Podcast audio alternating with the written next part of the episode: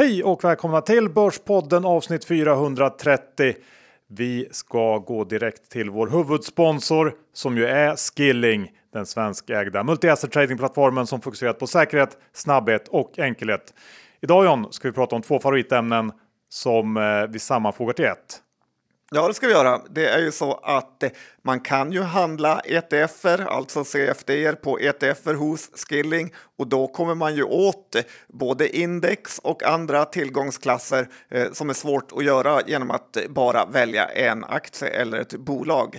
Men Johan, det har hänt en nyhet. Ja, den sista tidens stora nyhet på ETF-marknaden är ju ProShares Bitcoin ETF som har kortnamnet BITO och det är den första eh, Bitcoin-länkade ETFen som har kommit fram eh, och de noterats i USA och ger då möjlighet för investerare att få exponering mot Bitcoins prisutveckling via future-kontrakt. Och det här är en stor nyhet eh, för alla eh, inom krypto och även i stort. Ja, och då är det extra kul att eh, Skilling har tagit fram en CFD-ETF på den så att det går att trada på Skilling. Precis, så titta på den och dessutom finns det ju mängder av andra ETFer som eh, Skillnox Skilling också erbjuder CFD-handel på, vilket vi uppskattar. Och har man ännu inte öppnat ett konto hos Skilling, då är det ju bara att göra för det är enkelt. Det krävs ett bank-id och de har svensk kundtjänst om man skulle behöva någon typ av hjälp. Men kom ihåg 66% av retailkunder förlorar pengarna hos CFD så besök skilling.com för fullständig ansvarsfri skrivning. Och med det John, så säger vi stort tack till Skilling!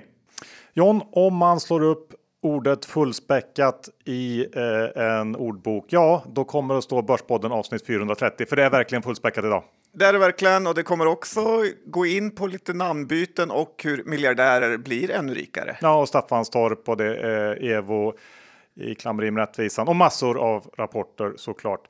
Men först ett budskap från vår sponsor Fidelity. Rickard Ventefor från Fidelity. Eh, vi har ju pratat om Indien tidigare. Börsen har gått väldigt eh, starkt där i år. Vad är anledningen till det? Det finns många faktorer givetvis om man jämför då Indien mot andra delar av Asien. Jag pratade om Kina här för några veckor sedan. Men en stor drivande trend till att den indiska marknaden har stigit väldigt kraftigt är att oljepriset framför allt. Vi har ju idag ett oljepris som touchar ungefär på 80 Eh, dollar per fat och det ska man ju tänka på att den indiska ekonomin är väldigt exponerad just mot råvarusidan och eh, oljepriset. Så det är en av anledningarna. Sen är den indiska börsen helt och hållet, eh, om man säger jämför med andra delar av Asien, exponerad mot framförallt bank och finans och eh, även då inom consumer goods eh, som är rätt intressant. Så det, det är en annan börs mot andra delar. Därför tror vi att den har klarat sig mycket starkare hittills i år. Finns det några intressanta sektorer i Indien som ni tittar närmare på? Mm, två delar skulle jag framförallt eh, vilja lyfta. Den ena har vi vitvarusektorn. Eh, vi har ju ofta pratat om svenska vitvarutillverkare eh, som har stor exponering just mot de här marknaderna som Indien. Men jag skulle vilja lyfta ut till exempel aircondition. Att Tillväxten för den indiska marknaden inom just luftkonditionering är enorm och i och med att tillväxten finns där så ser vi också domestic players, alltså inhemska producenter som eh, verkligen växer och eh, vi har många intressanta tillväxtcase inom just eh, vitvaruområdet, det gäller även kylskåp etc. Och sen skulle jag vilja nämna banksektorn som ett extremt intressant alternativ också. Framförallt på lån och eh, kortsidan. Eh, I och med att man har en sån extremt stor population på lite drygt en miljard människor i Indien så finns det ett underbyggt eh, case för det. Tack Fredrik eh, vi ska också påminna om att investeringens värde och eventuella intäkter från dem kan både minska och öka. Det kan hända att du inte får tillbaka det investerade kapitalet och historisk avkastning är inte en tillförlitlig indikator för framtida resultat. Våra sponsorer tar inget ansvar för det som sägs i podden och åsikter uttryckta kan redan agerats på och inte längre gälla. Det är också viktigt att läsa prospekt samt KID-dokument och investeringar på tillväxtmarknader kan vara mer volatila än på andra mer utvecklade marknader. Stort tack till Fidelity International! Johan, Dr. Bass i Saxon Index är i 23,80 och vi närmar oss toppen från augusti eh, som inte var så eh, länge sedan, men eh, ändå. Ändå ja. Eh, inga jätterörelser på börsen den här veckan, men eh, det känns som att nu eh, fokuserar vi på att sy ihop den här säcken och det här året. Eh, Julnissrallyt har väl kanske tjuvstartat lite grann, men vi har väl en dryg månad kvar på börsen så att jag tror att det eh, kommer att bli Eh, en fin avslutning på det här året och eh, när vi har gått igenom det John så tycker jag kanske att vi ska ta upp eh, din, jag vet inte vad man ska säga, du har gett upp på världen. Ja, men det har faktiskt gjort och eh, det har ju att göra med det här eh, corona, covid-19. Att allt eh, bara var en stor överreaktion där media och politikerna fixade till lite panik som nästan har förstört två år för flera generationer utan egentlig nytta, även om det såklart var tragiskt om man blev drabbad på något sätt. Men nu när en eventuellt fjärde våg kommer in eh, som vi har sett i många länder har vi under EM-kvalet i fotboll nu sett hur nästan varenda arena, förutom Holland igår då, eh, som var öde, men de har varit helt fulla med människor. Och det är svårt att ta in hur svajiga alla beslut har varit. Och så här i efterhand får man väl säga att det blev 1-0 för Tegnell mot resten av världen. Eh, de andra panikerade, men vi var i alla fall hyfsat coola. Samt att deras åtgärder knappt hjälpt något. Eh, det är precis som på börsen, beslut som fattas i panik blir sällan bra. Ja, jag håller helt med. Och eh, lite cred då till Sverige för den eh, coola attityden genom hela pandemin. Um, Staffanstorp John, de går i bräschen för någonting. Vet du vad det är? Är det en rallybana eller? Nej. det är Anderstorp ja, kanske? På ett sätt kanske. Uh, jag tänker på, på, deras initiativ för att främja krypto i Sverige. Efter, efter Erik Thedéens uh, kryptohatbrott här förra veckan så känns det skönt att jag ändå har lite stöd där ute för att Staffanstorps kommun, de har en portfölj på runt en halv miljard och nu ska de utreda möjligheterna till att investera i krypto och det står jag såklart bakom till 100 procent. Eh, jag lyssnade på ett inslag från Sveriges Radio här i morse där eh, SKRFs chefsekonom Annika Wallenskog uttalade sig och sa att risken finns ju att, att de förlorar eh, helt i värde och att det måste Staffanstorp ha beredskap för. Och då kontrar ordföranden för kommun, kommunstyrelsen i Staffanstorp med att ja, men så är det med aktier också. Det kan hända där också. Och det är också helt sant. Ja, i och för sig bodde jag i Staffanstorp så skulle jag nog planera att emigrera lite grann. Ja, jag tror de tänker sig som lite diversifiering. Jag tycker ändå det är kul och när vi ändå är inne på krypto så noterar jag att klassiska Staples Center under kommande 20-årsperiod kommer att heta Crypto.com Arena. Eh, hemma arena för Lakers och Clippers och Kings och allt vad de heter det är ju ändå någonting och eh, på något sätt ännu ett steg in i mainstream-världen för krypto. Så att det är positiva nyheter runt om i världen på eh, kryptoplanet. Ja, och roligare att arenor heter det än som i Sverige där hälften av alla arenor nu heter Swedbank Arena. Ja, då, eh, ja precis. Du, eh, på tal om namnbyten. Ja, vi skojade ju för tre veckor sedan om att Mekonomen borde byta namn för att få upp värderingen. Men Mekonomen med Kenny Bräck och gänget är ju så sega att det finns inte. Men som inte är seg är ju Erik Selin och han vet ju dessutom hur man får upp värderingen på sina bolag. Och hör på det här Johan. 28 oktober köper Erik Selin in sig med 25 procent i Hedin Bil för 3,5 miljard. Igår kom det ut att Hedin Bil byter namn till Hedin Mobility Group. Som de säger Johan, great minds think alike. Ja, det var snyggt. Var du förresten med när jag och Erik tog en bira på Almedalen 2019? Nej. Jag, jag kommer inte ihåg. Nej. Och det är nog inte heller omöjligt att eh, vi kommer få se Hedin Bil på börsen om ett tag, eh, förmodligen då till dubblad värdering. För Erik Selin är ju en money making machine. Ja, nej, det är nog en spaning som kan visa sig bli korrekt framöver. Du, dagens stora iGaming snackis, det är ju Evos plötsliga problem med rättvisan i USA. Evo anklagas av en anonym konkurrent för att verka illegalt på vissa marknader och göra affärer i länder som står då under amerikanska sanktioner.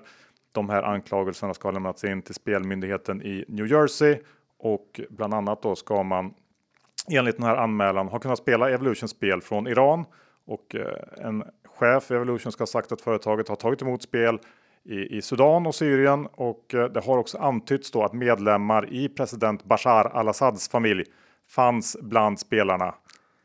Det gillar man ju nästan. De sitter där på palatset och eh, bettar på olika live-kasinon. Ja, det är klart de också ska ha kul. Det ska också ha gått att spela Evolution-spel från eh, internetadresser i Singapore och Hongkong där nätspel som bekant är förbjudet och eh, Evolution har kommenterat det här med att det är operatörerna som äger relationen med spelaren och inte Evolution, vilket i mina öron låter som ett väldigt svagt försvar. Det måste ju ändå vara Evos ansvar att se till att det inte spelas där det är förbjudet. Sen är det ju väldigt svårt att säga om hur, eh, hur mycket på allvar det här är egentligen. Eh, men om den här eh, anmälan får någon slags traction och det blir något som tas upp i domstol så kan det såklart bli ganska allvarligt för Evolution.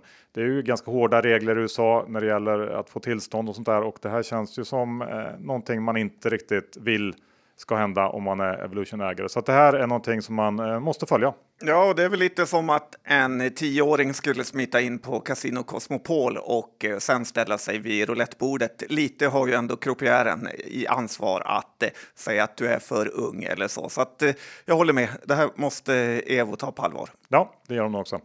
Eh, Avanza då? Eh, ska de komma undan? Ja, men det har de ju faktiskt gjort. Jag tycker att de kommer undan alldeles för lindrigt med sina enorma haverier som varit sista tiden. Eh, på riktigt har det ju kostat sparare, traders och andra massor med pengar Eh, utan att Avanza tar det minsta ansvar för det. Innan gårdagens haveri så hände det senast när jag var i Grekland och skulle sälja 5000 Mekonomen eh, på 154 eh, och sen såg jag på kvällen att den ordern inte hade gått igenom. Eh, sen gick aktien ner till 141 så det var dyrt. Eh, sen hade jag en massa Arjo som jag råkade sälja för mycket av när ordrarna hakade upp sig och sen bara gick igenom. Och igår hände det igen och man såg hur massa traders eller aktiva kunder fastnade i bland annat eh, Karolinska Development. Eh, så jag tycker det är dags att eh, spararens bästa vän, att de skärper till sig rejält. För redan nu så är det uppenbart att man måste ha konton på flera ställen när deras driftsäkerhet är så här låg. Vi är denna vecka sponsrade av Asket. Och Asket är ju klädföretaget som vill att vi konsumerar mindre att vi väljer bättre och köper färre plagg som håller då både stilmässigt och materialmässigt för åratal av användning och inte bara ett fåtal tvättar. Och det här är ju bra John. Ja, för modeindustrin är ju lite sinnessjuk. Den är snabbare, större och har större miljöpåverkan än någonsin. Vi konsumerar mer och använder mindre. 60 procent av nyinköpta plagg kastas inom 12 månader och det är ju värdelöst för miljön och för plånboken. Så är det.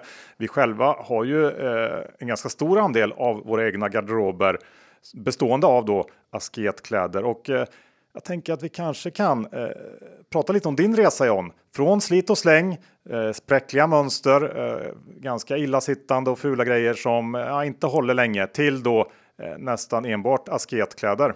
Ja, jag har ju blivit väldigt clean är det många som säger och eh, framförallt är det ju fantastiskt med alla deras storlekar som gör att eh, det passar perfekt eh, på en själv. Asket, de är ju kända för att inte använda rabattkoder, men i år har vi lyckats få dem att göra ett undantag. Om man går in på asket.com snedstreck Borspodden och asket är då asket.com snedstreck Borspodden Eh, så skickar gänget på Asket med ett tvättmedel om man köper något av deras ullplagg. Det här eh, tycker jag ju verkligen att man ska eh, ta tillvara på, fånga det här tillfället, för det här är riktigt, riktigt grymma kläder. Så gå in på asket.com snedstreck Borspodden. Vi säger stort tack till Asket! Vi är denna vecka sponsrade av Privata Affärer och John eh, 2022 blir ju ett spännande börsår med fler än ett viktiga val och har man en prenumeration privata affärer så är man alltid uppdaterad om senaste nytt och får experttips och konkreta råd om aktier, fonder, sparande, privatekonomi och placeringar. Eh, man får dessutom ta del av privata affärers modellportföljer och exklusivt digitalt material på sajten. Vi har nu ett erbjudande när det gäller privata affärer. Sex nummer av privata affärer plus två nummer av placeringsguiden för endast 299 kronor, vilket innebär att man sparar hela 493 kronor. John. Ja, det är väldigt bra. I senaste numret eh, som jag fick eh, här i veckan var ju Robert Aldin med på en stor eh, intervju, så att, eh, väldigt eh, aktuellt och bra tidning tycker jag. Ja, och det räcker ju med kanske bara ett halvt tips för att känna igen de här pengarna. Så att det här är någonting vi tycker att man ska satsa på. kanske en julklapp, vad vet jag. Gå in på privataaffärer se snedstreck novemberpodd i ett ord. Alltså privataaffärer.se novemberpodd och läs mer om erbjudandet. Vi säger stort tack till Privata Affärer. Vi är denna vecka sponsrade av Lendify. Ja, det är vi och det är vi så glada för, för att det finns inget härligare när det tickar in ränta och amorteringar månad efter månad. Börsen kan gå upp och ner, men det gör inte vårt Lendify-konto utan det går stadigt uppåt och nu har vi en ganska så stor del av vårt företags pengar där. Vi har inte tagit ut en krona sedan starten och det märks verkligen vilken ränta på ränta effekt eh, som faktiskt skapas när man kan återinvestera både ränta och investeringar i nya lån. Och Johan, vi har ju andrahandsmarknaden med där det både går att köpa och sälja lån. Precis. Eh, det är lite som den här Twitterlåten Ränta på ränta. Det är härligt när man loggar in på kontot. Vill man testa det här? Då tycker jag att man använder vår länk som är lendify.se Borspodden. För gör man det och stoppar in minst 20 000 kronor som man investerar då, då får man 500 kronor extra insatt på sitt konto, vilket ju är en gyllene start på ett Lendify sparande. Så lendify.se snedstreck Bordspodden. Vi säger stort tack till Lendify! John, idag har vi massor av eh, rapporter och bolagshändelser att snacka om. Jag tänker eh, mig att jag kanske börjar med lite dataspel. Ett sjok av dataspelsbolag som har rapporterat. Ja, men det är aktuellt. En stor del av den Stockholmsbörsen är ju nu dataspelsbolag, så att, eh, kör! Ja, och det här har ju varit ett tufft år. Eh, för den här sektorn. De flesta aktierna har fått tillbaka hela pandemikursuppgången och handlas nu på ganska låga kurser och låga multiplar. Börsen blev lite carried away kan man säga under pandemin, men det kan vara så att eh, det nu eh, pendeln har slagit åt andra hållet så att säga. Marknaden har tagit ut lite för mycket på nedsidan istället. Eh, vi är i princip igenom den allra tuffaste perioden jämförelsemässigt och under 2022 så bör det kunna ser bättre ut för många av bolagen i den här sektorn. Och eh, om man också ska tro på det här att pandemin drev på digitaliseringen ett antal år framåt så borde det här vara ganska intressanta bolag nu. Vi får se, men, men jag tänker vi kan väl börja med eh, störst gå först på något sätt. Embracer som kom i morse med sina siffror. Ja, lite low energy guy av Wingefors i konfan här är min känsla. Ja, men faktiskt. Eh, kvartalet i sig var väl relativt inline, men eh, det stora var ju att man valde att gå ut med Prognoser gällande operativ ebit för eh, innevarande år samt ytterligare två år och det är väl här det blir lite lurigare. Prognosen för innevarande år eh, ligger då långt under konsensus, ungefär 20% under estimaten. Eh, samtidigt så ligger då prognoserna för 2022 23 samt 23 24. Embracer har ju brutet räkenskapsår, eh, ungefär 15 respektive 18% över konsensus. Eh, och det här beror då på förseningar i spelutvecklingsprojekt och eh, givet vilka enorma summor det här bolaget har plöjt ner i diverse projekt så skapar såklart den här typen av förseningar oro. Det saknas ju inte exempel på andra spelbolag där förseningar har varit riktigt dåliga tecken och eh, det är såklart omöjligt att sia om hur det kommer att gå eh, för Embracers projekt. Men jag förstår ändå att marknaden väljer att ta det säkra för det osäkra här. Aktien är ner lite grann på morgonen. Eh, med det sagt så är Embracer eh, en billig aktie eh, om man tittar på de här prognoserna. Men osäkerheten är läskig kan jag tycka. Ja, det börjar bli som att dataspelsbolag, att äga dem är någon som en blandning av att äga en eh, musikgrupp och en byggfirma. Att eh, det gäller hela tiden att eh, musikgruppen tar fram nya hits som man vet absolut inte är säkert att det kommer och dessutom så är de som en byggfirma för att det alltid, alltid blir förseningar. Man har aldrig hört talas om ett dataspelsbolag som har liksom lanserat tidigare än man trodde. Ja, nej. nej, så är det och eh, nu är det väl helt enkelt upp till Wingefors att leverera på de här prognoserna. Gör han det så kommer det att eh, bli bra. Men det krävs lite conviction för alla aktieägare att hänga kvar och jag tror att aktien kan bli ganska tråkig under några kvartal nu eftersom det här innevarande året är ju lite förstört på något sätt i och med de här förseningarna. Sen har vi ju... Lite osäker på om aktien blir tråkig, för det är ju en vild tradingaktie tycker jag. Ja, beror på hur man ser på det. Ehm, sen har vi Paradox eh, Eh, som eh, kom igår med siffror. Där har vi förutom någon slags pandemibaksmälla också haft ett turbulent år internt. Det har varit vd-byten och, anklagelser om arbetsmiljöproblem och så vidare.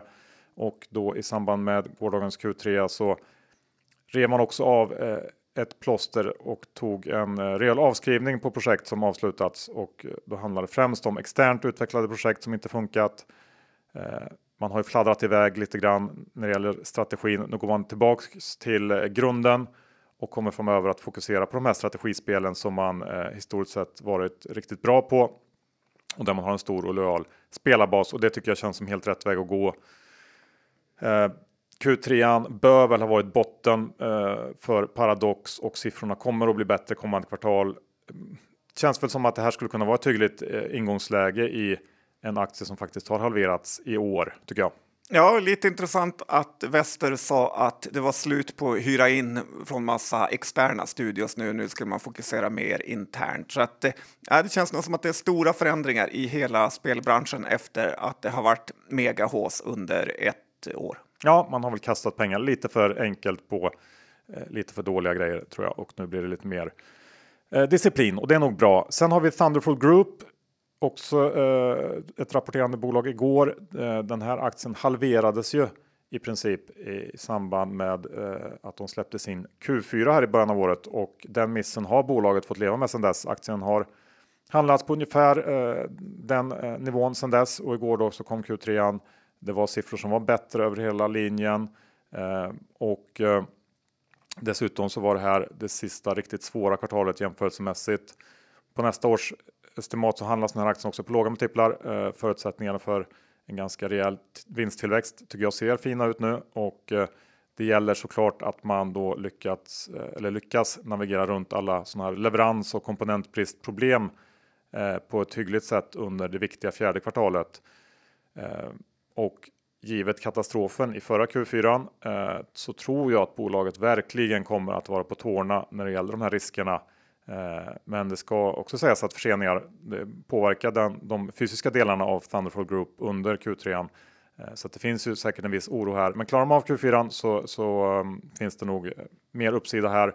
Jag tror att precis som i Paradox fall, så tror jag att Thunderfall Group är ett ganska okej okay köp på de här nivåerna. Ja, men här tycker jag helt tvärtom. Jag tror det här är ett eh, skräpbolag. Det är fysiska Nintendo-spel, det är online-leksaker och någon eh, spelstudio.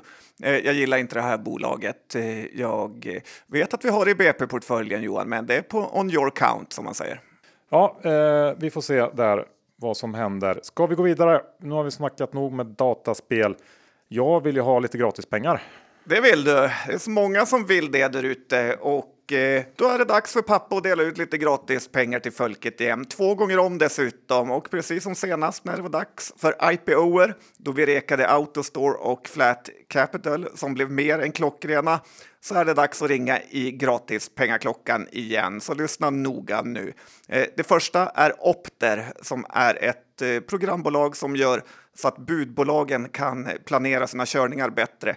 Och eh, de har i princip alla stora budbolag som kunder redan. Och som Robert Aldin sa, kommer det bli mer eller mindre viktigt i framtiden att sköta sånt här bra? Det kommer förmodligen bli extremt eh, viktigt. I och för sig, Johan, så sa ju Robert också att kommer det drickas mer eller mindre havremjölk i framtiden? Eh, och det har ju varit eh, tokfel aktiekursmässigt nu när vi såg hur Oatly kraschade på börsen. Men i Opter så har vi ju då Kliens fonder som garant. Och jag gissar att det är Wonderboy Carl Sundblad som är inblandad här. Eh, och minst lika bra är det ju att Martin Gren är med också. Så att det är bara att rygga här och teckna på alla konton. För ett sånt här bolag tror man ju ska gå med förlust. Eh, men istället så får man teckna till P just över 30 och med nettokassa. Så att det är bara att säga catching. 19 november sista dag och man kan bara teckna eh, på Nordnet vad jag kan säga. Jaha, det ser man. Jag, jag har inte kollat på det så jag har ingen åsikt riktigt, men det låter väl okej. Nästa case då? Ja, det är ju sign up det är ett leverantörsfakturabolag eh, där Creades är en av de största tagarna, vilket validerar caset tycker jag. Dessutom har de en sån här green shoe som det heter på finansspråk eh, som innebär stödköp om det skulle bli dåligt. Eh, Signup ska växa med 20% per år och har marginaler över 20% så att det är bara att slå till här också faktiskt. Såklart är allt på egen risk, men hittills har ju aldrig gratis pengarklockan ringt fel en endaste gång Johan. Har den inte det? Har den inte. Nej, nej, okej. Okay. Ja, men då tackar vi för det då. Eh, så får vi utvärdera om några veckor. Um, jag tänker också riva av um, ett par e-handlare som rapporterat under den gångna veckan uh, så att vi knyter ihop den säcken så att säga. Vi har Rugvista och Pierce. Um, Vilken säck? Ja, e-handlarsäcken. Okej. Okay. Jag har tagit några varje vecka nu under ett par veckors tid. Jag har inte lyssnat så jag visste inte. Nej, jag misstänkte det. Rugvista då? Du vet vad de gör? Ja, mattor. Ja, på nätet. Varför är det bra då? Ja, men det säger ju de. Det är så svårt att kolla i mattbutiker, Johan. Ja, Stora travar med mattor. Ja, taskigt mot alla eh, lokala. Ja, eh, så kan det vara. Eh, hur som helst så kom Rugvista in eh, i linje med de få estimat som fanns. Jag tycker att eh, det var starkt att man lyckades öka den sekventiella ök eh, tillväxttakten eh, från andra kvartalet 22% till då 30% nu i Q3. Eh, det är bra och nu har vi ju årets viktigaste kvartal framför oss. Eh, VDn Mikael Lindskog påminner i vd-ordet om att dragvista möter utmanande jämförelse jämförelsetal från förra året. Eh, givet det och alla leveransproblem där ute så tycker jag också att det var positivt att Rugvista ändå lyckades växa lagret med 15 miljoner in i Q4. Eh, aktien har backat något sedan rapporten släpptes förra veckan. Eh, kan tycka att det kanske är lite orättvist eh, för det här är ändå ett bolag som har hållit ihop det bra. Ehm, nu har man ett tufft eller pandemidopat kvartal om man säger så kvar. Ehm, men ehm, jag tror ändå att det här, det här, när man väl klarar sig igenom Q4 så är det här en aktie som skulle kunna eh, göra lite comeback under 2022 ändå. Ja, det är väl lite trist med de här eh, insynsförsäljningarna av hela ledningen som var för ett tag sedan. Men jag gillar också Rugvista och det som du säger, man får vänta in Q4 eh, som är tuff. Ja, eh, sen har vi de? Motorcykeldelar. Ja, Varför tror du jag kan ingenting nu? Jag är en av Stockholmsbörsens eh, främsta finansmän, Johan. ja, det kan man ju argumentera runt omkring. Eh, men det är helt rätt. Motorcykelprylar på nätet. Eh, de har rapporterat och eh, Pierce hade ju faktiskt redan vinstvarnat. Man varnar för, för svagare resultat, då främst på grund av högre fraktkostnader från Asien. Och eh, den här typen av vinstvarningar tycker jag att man eh, i ganska hög utsträckning kan försöka att se igenom eh, eftersom det med största sannolikhet är av övergående karaktär. Eh, Sådana här problem med frakt och sånt. Ehm, och det har ju inte särskilt mycket med hur bolaget presterar att göra. Det jag däremot inte riktigt gillar med Peers är ju att för att vara en snabb växare så växer man inte särskilt snabbt. Förra året så var man en, en coronaflorare på grund av lockdown på många ställen i Europa. Vilket då gjorde att folk inte åkte runt på sina motorcyklar. Och nu i Q3 så skriver man bara om att förra året påverkades positivt av pandemin. Som då en förklaring till den svagare tillväxten i år. Jag får inte riktigt ihop det här. Eh, det gör mig lite osäker och förvirrad kring vad man egentligen ska ha för tillväxtförväntningar på det här bolaget. Och det är lite olyckligt eftersom man måste ha en, en tro på hög tillväxt framöver för att kunna motivera ett köp av den här aktien som eh, trots att den har tappat ungefär 15% från noteringskursen i våras handlas på höga multiplar. Eh, I år så har man mäktat med 10 i tillväxt så här långt. Förra året var det 24 och det var en minskning från 2019s 34. Jag gillar inte den trenden och det kommer helt klart krävas att man kommer upp kring i alla fall runt 20, eh, 20 igen nästa år. Eh, Det är kanske inte omöjligt, men jag eh, är inte så sugen på att eh, syna det. Nej, men det här bolaget är också något jag håller mig eh, borta från faktiskt. Bra, då har vi. Eh, Känns som att motorcykelkillar är sådana som gillar att klämma och känna i butik. Mm, både och kanske. Jag vet inte. Det är mycket både och med dig idag Johan.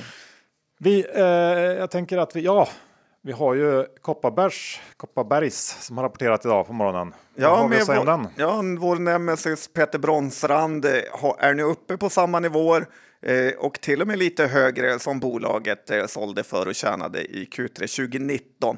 Och det är en sån här klassisk börsmätpunkt som börsen gillar att göra. Hur allt var innan pandemin. Och och anledningen till att till exempel H&M är så hatat för att man inte har nått upp till de eh, siffrorna. Men för Kopparbergs så är vändningen definitivt här på ett sätt om man säger att man är tillbaka på nästan samma nivåer inom pubsegmentet i Sverige och försäljningen på systemet tuffar på. Utomlands, precis som våra spaningar sa, så går det fortfarande trögt på de här eh, semesterorterna på grund av covid. UK däremot verkar det gå bra. Eh, så lite av en mediafluga och eh, påhittad skadeglädje att eh, Storbritannien skulle falla ihop efter Brexit. Och återigen en påminnelse till varför man inte tål mainstream media. Eh, grejen med Kopparbergs är ju däremot att aktien stod kring 170 vid Q3 2019 så har man egentligen inte kommit någon vart. Däremot eh, har ju börsen gått upp ganska mycket sedan dess så man kanske förtjänar ändå en liten upp värdering. Återigen trist att även om Kopparbergs blivit eh, mycket bättre på informationsgivning så skulle man vilja veta mycket mer om till exempel hur ginförsäljningen går eller satsningen på vodka och deras andra nysatsningar. Och jag tror Kopparbergs själva skulle tjäna på det och få en högre aktiekurs om man var lite mer transparenta mot eh, investerarna. Eh, personligen så förstår jag inte ens varför de lägger så mycket energi på att färga sin gin rosa och sen eh, vodkan ska vara röd. Eh, och eh, Sen får man faktiskt eh, också titta på att Plånstrand har ju nu i slutet av rapporten slutat skriva att eh, det är bäst säljande märket på systemet. Så att allt är inte frid och fröjd, Johan. Nej, det är väl ganska långt från frid och fröjd. Då. Jag tycker att det, det, det tråkiga med Kopparbergs är väl att man har eh, slutat växa helt.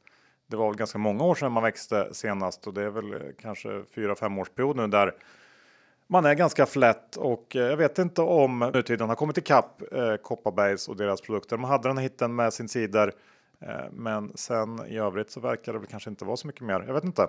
Nej, men jag håller med där. Det jag har varit eh, tufft många år. Läge för, för eh, ett bud där. Um, jag tror att alla skulle vara nöjda med det faktiskt. Eh, sen har vi John. Så mycket som Readly. Ja. Det är ett bolag som antagligen aldrig borde ha startats från första början. eh, och definitivt inte noterats. Men vi är där vi är, eller hur? Ja, faktiskt. Och det är inte mycket att göra åt nu. Vi kan inte påverka det. Och Readly har ju utvecklats till en förlustmaskin av Guds nåde. Och det eh, beror i grund och botten på att Readly är en tjänst som ingen har efterfrågat och ingen vill ha. Och eftersom ingen vill ha tjänsten så måste man spendera ohyggliga summor på marknadsföring varje år för att få in kunder, vilket då resulterar i massiva förluster. Ja, det tycker jag faktiskt var bra sagt. Var det jag, jag satt och lyssnade, jag njöt in, jag ja. höll med om allt. Ja, men bara under årets första nio månader så har man förlorat nästan 160 miljoner. Eh, det går liksom inte att riktigt se någon vändning på den här utvecklingen. En möjlig väg skulle kanske kunna vara att öka andelen eget innehåll. Readly har en sån satsning i Readly Exclusive, men det verkar gå trögt. Eh, och jämfört med bolag som eh, man tar Storytel, Spotify eller Acast så värderas Readlys intäkter lågt, men jag tror inte att man ska luras av det. Eh, den här aktien håller jag mig långt borta ifrån faktiskt, trots eh, haveriet på börsen. Ja, precis eh, som det är med till exempel Storytel så är det ju förmodligen så att en kund som läser mycket och öppnar många magasin är en förlustkund. Så att eh, sådana här bolag gillar jag inte. Du fortsätter med den tecken. Ja, men den är ju sån. Ja. Eh, sen har vi ju eh, ett par rekryteringsbolag som har rapporterat. Vi har ju ett sånt litet kluster eh, på börsen. Jag tänker på SCR och Wise. Ja, nu när du har gått igenom lite heta och sexiga bolag Johan så är de här ganska långt ifrån det. Men eh, lite roligt är det ju så att SCR har ju bytt namn till Ogunsen när jag läste det så blev det lite så här, är ni dumma i huvudet? Oguns... Det är väl grundarens efternamn va? Eh, Okej. Okay. Mm, så det är inte så konstigt. Det var inte så konstigt då Johan. Nej. Men eh, grejen är att eh, man faktiskt verkar ha gjort det helt oförberett. Eh, för nya hemsidan fungerar knappt eh, trots att man bestämde det här i augusti. Men lite potato potato, det spelar roll vad bolaget heter, det är cashen som ska in. Och eh, SCR eller Ogunsen kom med en fin rapport här och eh, det här är ju verkligen den typen eh, som har haft det, av bolag då, som har haft det väldigt tufft under pandemin med uthyrning av personal och rekrytering. Och det är bara att se på till exempel Polia som också haft en stor kursuppgång det senaste året. Och jag tror Q4 kommer bli grymma för alla typer av bolag inom den här sektorn. Och eh, det som är bra är att de här bolagen kräver ju inget eget kapital så att det kan bli fina utdelningar till våren. Eh, däremot så kommer ju aldrig Ogunsen få någon hög värdering så att eh, jag gissar på att aktien kommer ligga och trumma på här. Det är dumt att sälja och det kanske finns bättre case att köpa. Och sen har vi ett annat bolag, Wise med det nya Wise-huset på Östermalm. Och det här är lite ett krångligare bolag än SCR och eh, Polia många fler delar. Eh, dessutom har man ju knoppat av Brilliant Future nyligen, vilket gör det svårare att jämföra med tidigare år. Eh, men här såg man också att det var en ganska bra rapport och det verkar vara eh, en klar vändning inför Q4 som också bör bli väldigt eh, bra. Wise, SCR och Polia skulle alla tre bolag kunna vara vinnare vid ett regeringsskifte som då man kanske skulle gynnas av lite mer avslappnade anställningslagar och mer gig-ekonomi. Eh, dessutom eh, snackas det i media om att folk är mer sugna än någonsin på att byta jobb. Så att, eh, jag tror inte man gör bort sig att äga någon av de här aktierna eh, fram till utdelningarna, även om det inte är någon raket. Nej, men precis så. Bra beskrivning, jag håller med. Och det är stabila, hyfsat stabila fall, bolag som bör prestera väl Eh, framöver. Sen har vi ju den här eh, riktiga hackkycklingen på börsen. Jag tänker på ett kycklingbolag Ja, som heter Scandi Standard och är helt värdelösa. Och eh, Scandi Standard har ju svärtat ner både David Saudi och Öresund. Eh, vi och vår mentor Robert Aldin har ju länge pratat om att eh, Scandi Standard är ett lite småäckligt massmördarbolag och det känns som att den bilden bara förstärks. Om jag går bort på middag Johan och världen säger att det kommer bli kyckling ikväll så brukar jag alltid bli extremt besviken och bara vilja gå hem direkt.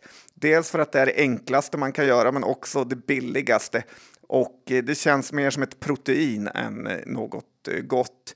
Eh, Scandi Standard har ju också nu så många härver både bakom och framför sig att jag inte längre ser det som en turnaround.